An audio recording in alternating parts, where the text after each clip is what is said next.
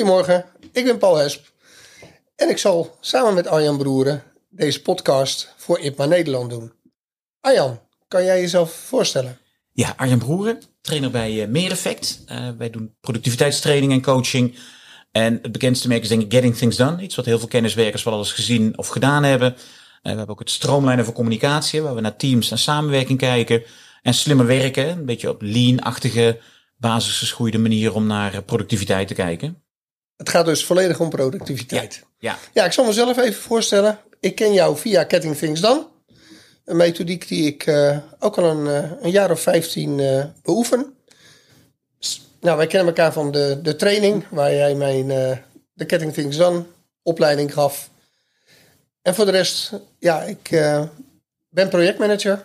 En daar pas ik de methodiek van Getting Things Done toe voor mijn eigen werk. en ik heb inmiddels ook gemerkt dat het ook werkt voor projectteams.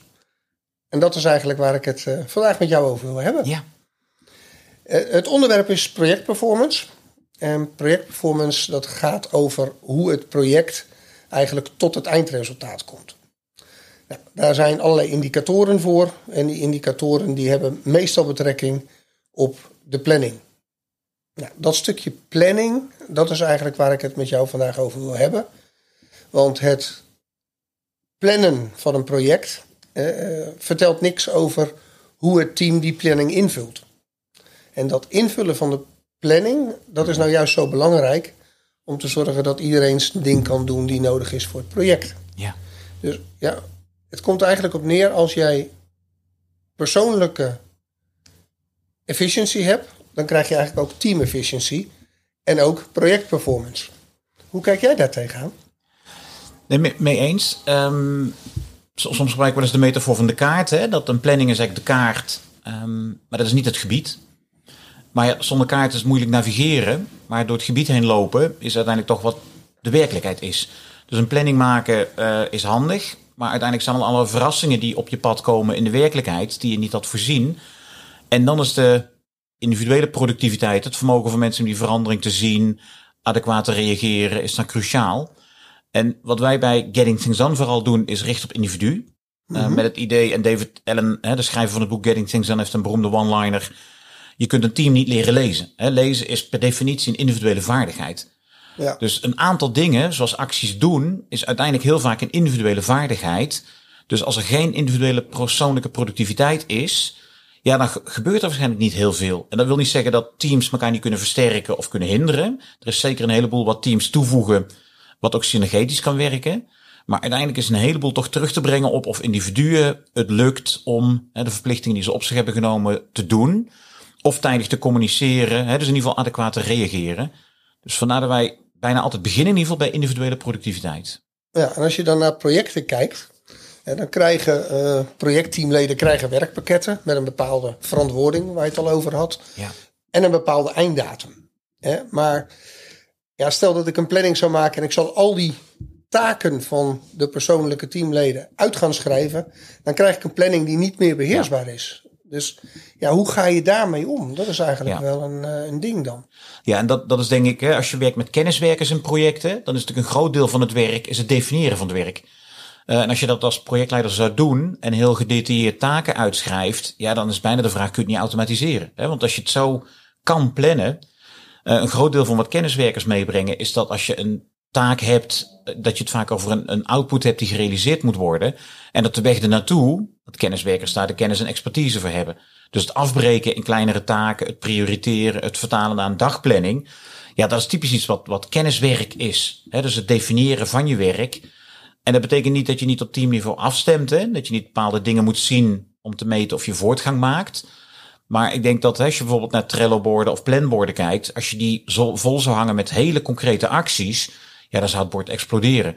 Ja. Dus over het algemeen zie je daar een kaart die op iemands naam staat, die, nou ja, zeg maar voor 1, 2, 3 dagen werk is. En die iemand dan zelf afbreekt in kleinere stappen om de grip op te krijgen. Ja, maar daar zie je natuurlijk wel het probleem, zeker met langlopende projecten, hè, vijf tot tien jaar. Eh, Dan werkt zo'n dagdagelijkse planning, die, ja, dat werkt voor de individu misschien wel, maar Ja. voor het project, ja, ik kan daar niet op bewaken. Nee, en ook voor het individu natuurlijk niet. Hè? Want als je elke keer kleine stapjes zet, en daarom is die kaartmetafoor denk ik goed. Uh, op dagniveau heb je uh, een heel gedetailleerde kaart nodig. Uh, laten we om in de kaartmetafoor te blijven zeggen, dat is een stadsplattegrond. Hè? Je hebt een, een, een uh, stuk in de stad af te leggen, dus je hebt een stadsplattegrond. Maar als je die alleen maar gebruikt, ja, dan, dan kom je op een gegeven moment elke dag een paar straten verder, zonder dat je zeker weet of het de goede kant uit gaat. Ja. Dus je hebt soms ook de kaart nodig van uh, het land. Dus laat me even zeggen, in dit geval de kaart van Nederland. Te zien van, nou, waar, waar in het grote geheel ben ik, hè? Uh, en soms de kaart van Europa, om nog iets meer uit te zoomen en te zeggen, nou, is alles wat we nu doen nog steeds het handigste? En die uitzoommomenten geven je ook ruimte om te kijken, gebeurt er in onze omgeving iets? Of zijn er andere krachten in het spel? Ja, dus, maar dat, dat houdt dus eigenlijk in dat je het overzicht op een, een of andere manier Ja. wil krijgen Ja. over het werk wat er ligt. En een planning op werkpakketniveau, hè, wat vaak Ja. gebeurt in, in projecten, is dan eigenlijk te groot. Je zoomt te weinig in om voor sommige dingen overzicht wel, te krijgen. Dus, dus de kunst is denk ik, en de Amerikanen zeggen ze mooi on the same page. Hè? De kunst is denk ik dat als je zelf met de kaart van Nederland navigeert, omdat je één keer per week of één keer per twee weken bij een team incheckt, dat je dan waarschijnlijk veel meer de grote stappen bespreekt. Terwijl de individu die misschien alleen die stadsplattegrond ziet, veel meer het wil hebben over, ja, met die actie was lastig en hier is een blokkade en krijg je hier de informatie niet tijdig van.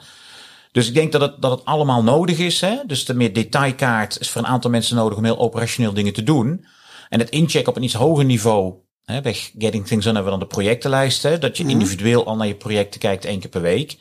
Dat uitzoommoment, om even op een wat hoger niveau te kijken, dat is cruciaal om daarna de acties die je doet weer met vertrouwen te doen. En het, het risico is denk ik dat de een uh, het over meso-macro factoren van een project heeft en de ander over micro. En dat, dat voelt als we spreken elkaar taal niet. En hè, zoals jij eerder een voorbeeld gaf, het kan dat je zegt het project loopt achter, uh, terwijl misschien een aantal individuen juist heel erg voorlopen of het heel erg goed doen. En dan zou je ook een beetje het gevoel kunnen krijgen van nou, de werkelijkheid van de een, de projectleider, is niet de werkelijkheid van de ander. Terwijl ze natuurlijk allebei gelijk hebben. Ja, maar dat is, dan kom je natuurlijk wel tot het belangrijke uh, ding projectperformance, Ja. of teamperformance. Ja. Op het moment dat ik natuurlijk het idee heb dat het niet loopt, Ja. terwijl de anderen het idee hebben dat het goed loopt, ja, dan heb ik eigenlijk geen aansluiting meer met het team. En dat is nou precies wat je wil voorkomen. Ja, dus ten, tenzij je zegt, um, ik wil op de een manier wat vaker een check-in doen. He, dus, dus een aantal teams doet ook een dagstart om even van gisteren en vandaag te bespreken. Je hebt, je hebt de wekelijkse reflectiemomenten. En dat is eerder een kwestie van minuten dan uren om even met elkaar in te checken van nou, hoe gaat het? Um, de gewoonte om op een planbord ook blokkades te noteren. Dat als ik individueel ergens tegenaan loop, kan het frustrerend zijn. Maar als ik het ergens op een planbord voor anderen zicht, zichtbaar kan maken en we het af en toe even samen oplossen of bespreken. Dus, dus ik denk dat er met name in de reflectiemomenten, en dat hoeft geen uren te duren, dat daar het, het moment zit om te zeggen, hey, op mijn kaart hè, of op mijn dashboard zie ik dit. Jullie zien dat. Uh, laten we even kijken hoe, hoe we dat naar elkaar toe brengen. En dat kan betekenen dat je inderdaad zegt, mijn, mijn blik is vooral op uh, zes mensen die samen acties doen, die gemiddeld achterblijven. En dat je dan zegt, ja, maar gemiddeld is, is lastig om met individuen te bespreken. Ja. Dus breek het dus af naar waar, waar blijven acties liggen, door welke blokkades. En wie lopen voor? En hoe kunnen we dat eerder gebruiken dan dat het hele team gedemotiveerd raakt? Ja, maar je noemt eigenlijk twee dingen. Hè? Want de ene is een reflectie. Ja. Nou, dat is een Ketting Things dan sowieso een heel belangrijk moment.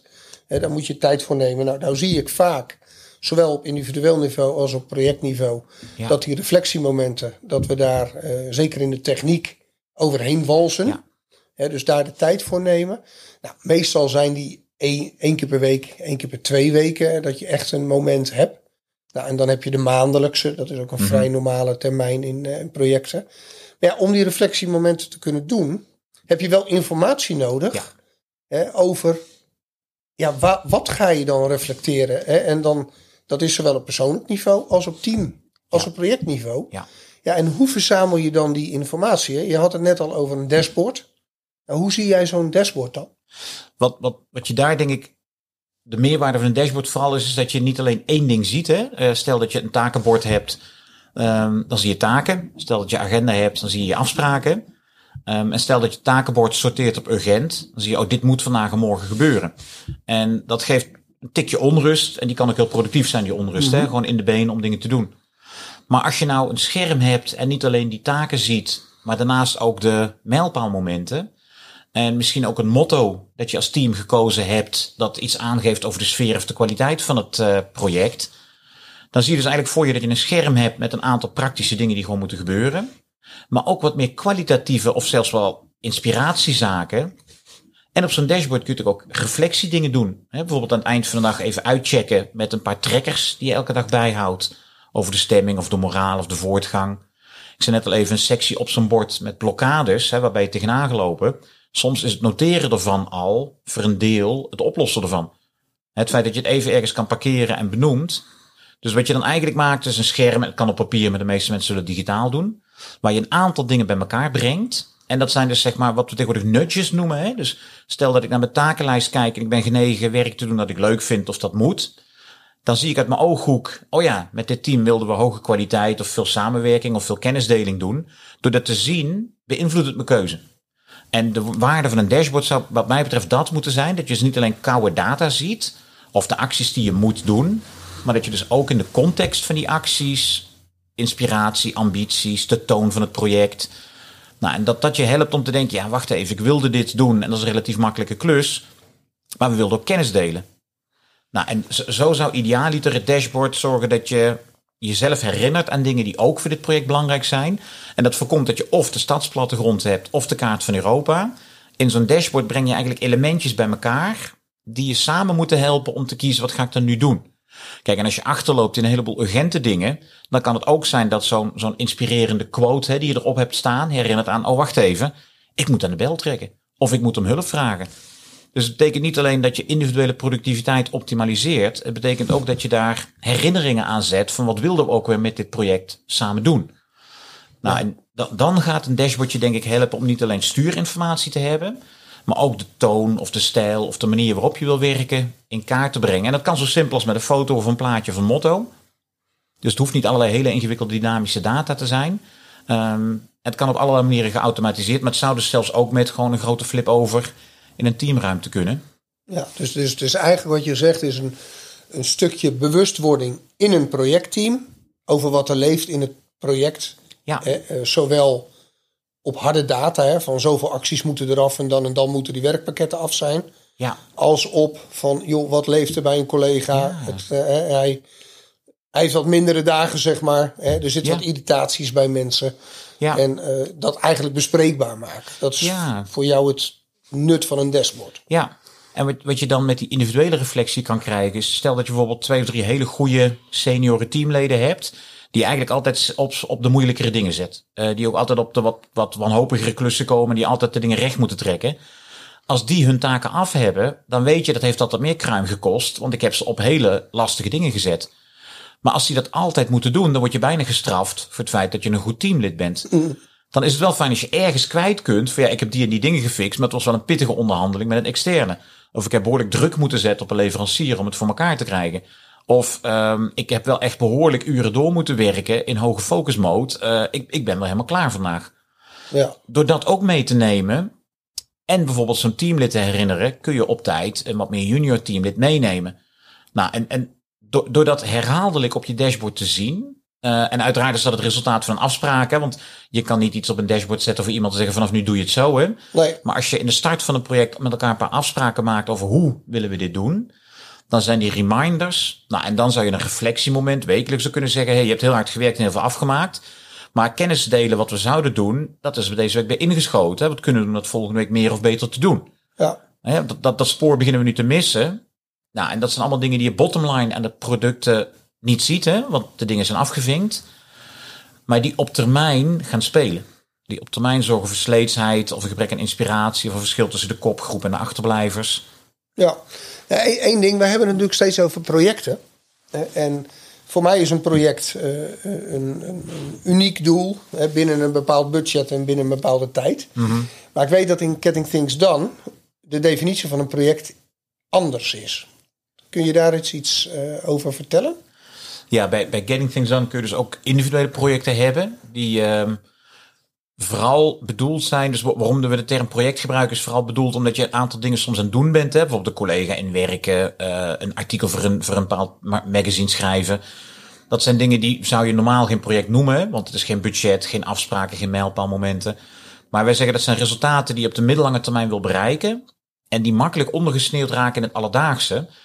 En dan is het fijn als je een lijst hebt met een inventarisatie van al je middellange termijn doelen. Dus door bijvoorbeeld het inwerken, het artikel dat je aan het schrijven bent, door het op een projectenlijst te zetten. Dat kan zo simpel zijn als een lijstje in Excel of op je whiteboard achter je. Door dat daar op te zetten, kun je één keer per week, en vaker als nodig is, even kijken van wat zijn de middellange termijn doelen waar ik mee aan het werk ben. En dan is het handig als elk resultaat dat op een wat hoger niveau ligt, dat wat meer acties vraagt, waar je wat langer mee doende bent, dat je dat periodiek even kan bekijken om te zien, sneeuwt het niet onder. Want een van de dingen, en die zul je ook herkennen, is dat veel kenniswerkers zeggen, het urgent en ad hoc gebeurt, maar de dingen die niet urgent zijn, die komen eigenlijk niet van de grond. Nee, tot nou, ze urgent worden. Tot ze urgent worden, dan lukt het weer. Hè? En ja. ja, daar kun je natuurlijk ook prima dingen mee doen. Maar veel mensen zeggen, nou, ik zou eigenlijk dit, dit project eens willen doen. Bijvoorbeeld uh, een, een nieuwe methode bedenken om samen te werken. Of stel dat iemand een bepaald talent heeft voor feedback en daar een training in heeft gedaan en wilde eigenlijk zich meer in bekwamen. Nou, door dat één keer per week te zien in je projectenlijst, word je dan alweer even bij bepaald, ben je er nu deze week mee aan de gang geweest. Ja. En als dat twee, drie keer op rij niet is, dan hoop ik dat die frictie brandstof wordt om te zeggen, ja, maar dan moeten we iets veranderen. Ja, ja ik zie uh, in, in projecten, zeg maar, zoals IPMA die definieert, mm -hmm. hè, mm -hmm. uh, zie ik het, uh, de, het raakvlak, zeg maar, met werkpakketten.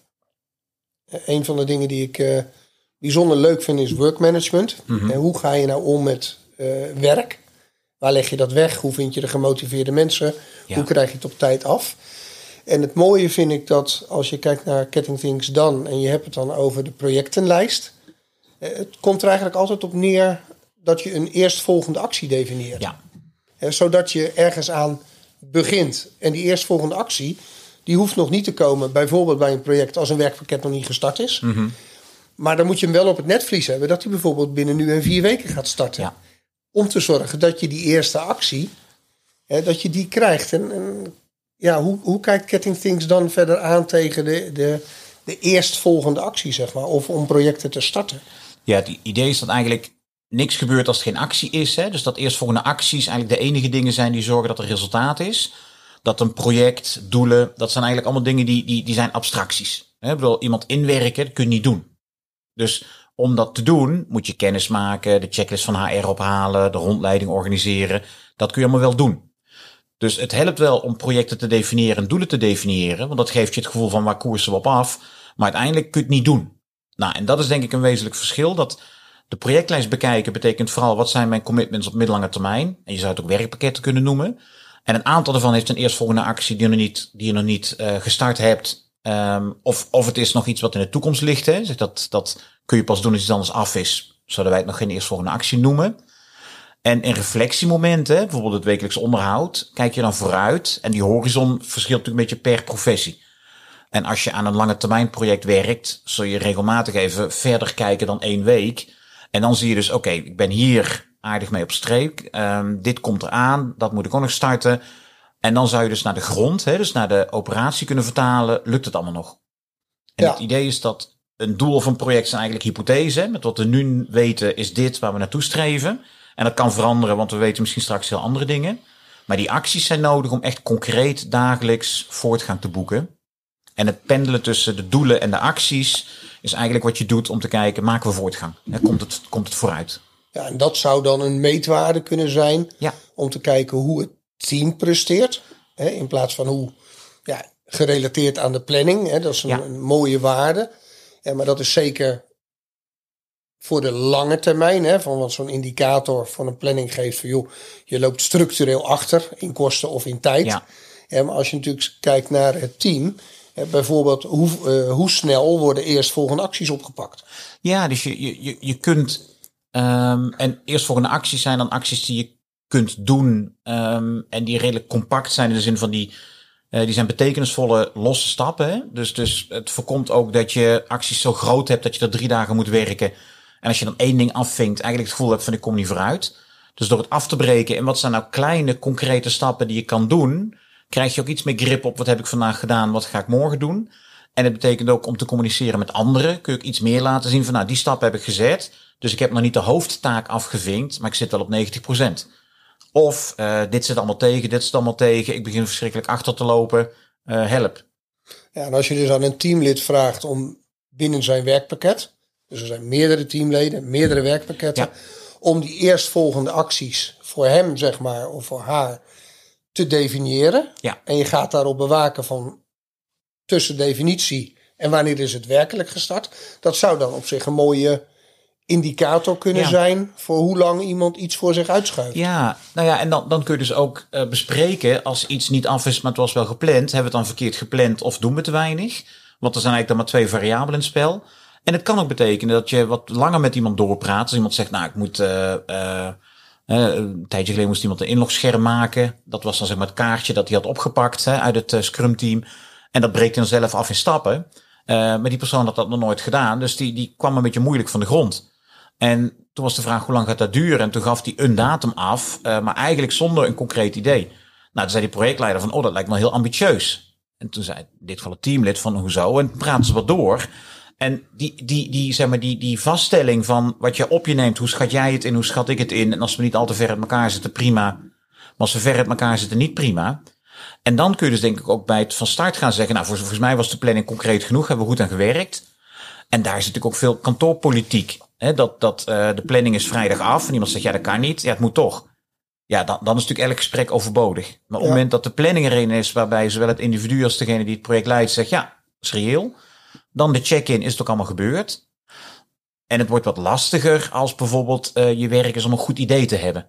Stel dat je zegt, we zijn eh, een eh, marketingcampagne aan doen. Kun je, kun je een goed idee bedenken hoe we een nieuwe doelgroep bereiken? Ja, dat is, dat is niet een concrete taak. Eh, daar kan je soms een seconde over doen en soms drie maanden.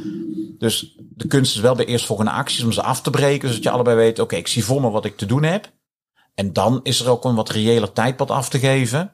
Nou, en als we dan feedback loops inbouwen, dat als ik tegen iets geks aanloop, dat ik weet waar ik dat en wanneer ik dat moet melden. Dan denk ik dat je voortgang, dat je er in ieder geval kort op zit.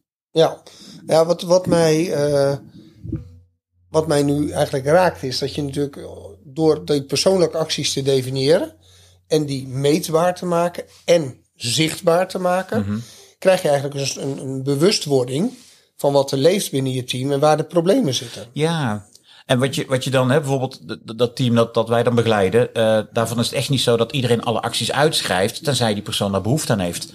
Dus een aantal mensen zeiden van, oh ja, ik neem dit op me, ik weet precies hoe ik het moet doen, ik ga achter elkaar door. ehm, en ik schrijf helemaal geen eerstvolgende acties op, totdat ik aan het eind van de dag stop. Want ik moet even een vergadering in. Dan schrijf ik even de eerstvolgende actie op. Waar moet ik morgen het werk weer oppakken? Als een reminder aan mezelf. Maar het is niet dat ik een actie opschrijf, afvink, opschrijf, afvink. Nee, ik ben gewoon aan het werk. Ja, Maar om te zorgen dat ik, als ik het niet weet, denk, ja, maar wat ga ik nou precies doen? Dan, dan helpt het om voordat je gaat doen. En om even terug te komen op jouw eerdere opmerking, Paul, hè, dat reflectie is iets wat er makkelijk bij inschiet. Ehm, het plannen van je werk, reflectie is je werk. Als kenniswerker Ja, is je werk ja, te ja, ingewikkeld. Dus iemand zegt, ik kan werken of reflecteren. Nee, eh, reflectie is je werk. Je werk is te ingewikkeld. Hè? Het is niet dat je zeg maar, aan de lopende band staat en, en schroeven aandraait. Ehm, want dat werk is heel concreet en dat is heel tastbaar. Op het moment dat iemand zegt, kun je iemand inwerken? Dat is niet concreet en niet Nee. tastbaar. Hè? Nee, maar wat je natuurlijk wel hebt, is eh, wat ik natuurlijk vaak hoor hè, vanuit eh Getting Things Done, hè, werkt met een aantal contextlijstjes, noem ik het maar even. En je kan natuurlijk een eerstvolgende actie hebben van eh, podcast inplannen met Arjan. Ja, nou, prima, dat is een hele concrete actie. Die heb ik dan afgevinkt. Ja. En dan gaat hij over naar een, een, wachten op lijst. Hè. ja, Die wachten op lijsten, die lijstjes die Getting Things dan kijkt eh, of kent.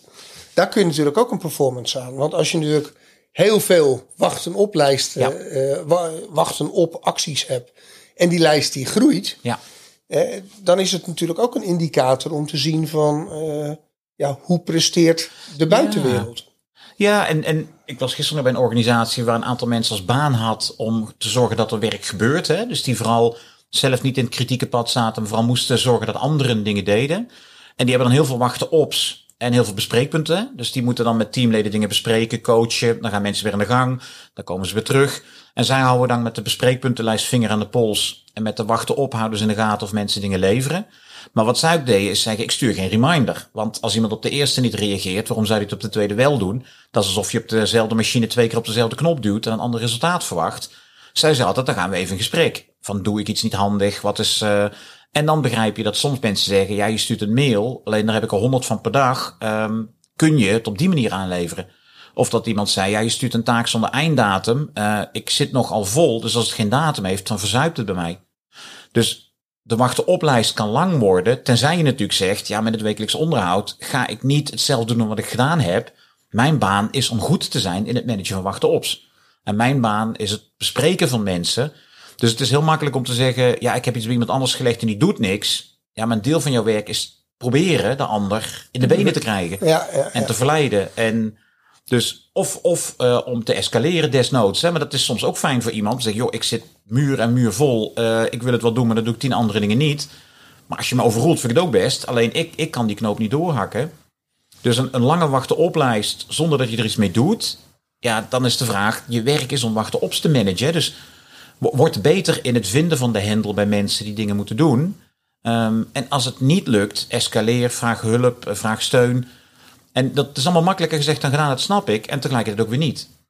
Ja, maar dat houdt dus in dat de, de, de standaard lijstjes, hè, de wachten op of uh, doen of kan later, uh, die lijstjes in de tijd weggezet. Hè, dus hoe groeien ze? Dat is natuurlijk best een belangrijke indicator hè, voor een team.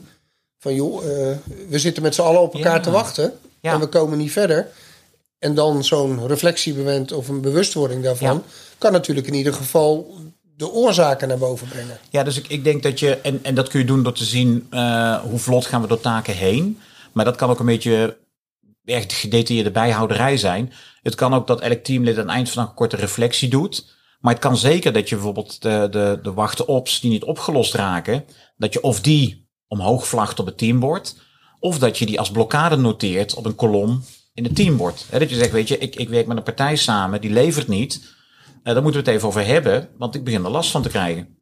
En je kunt meten door te zien hoeveel taken vinken we af. Maar dat kan ook in de hand leiden dat mensen zeggen: taak 1 is computer starten, taak 2 is Outlook openen.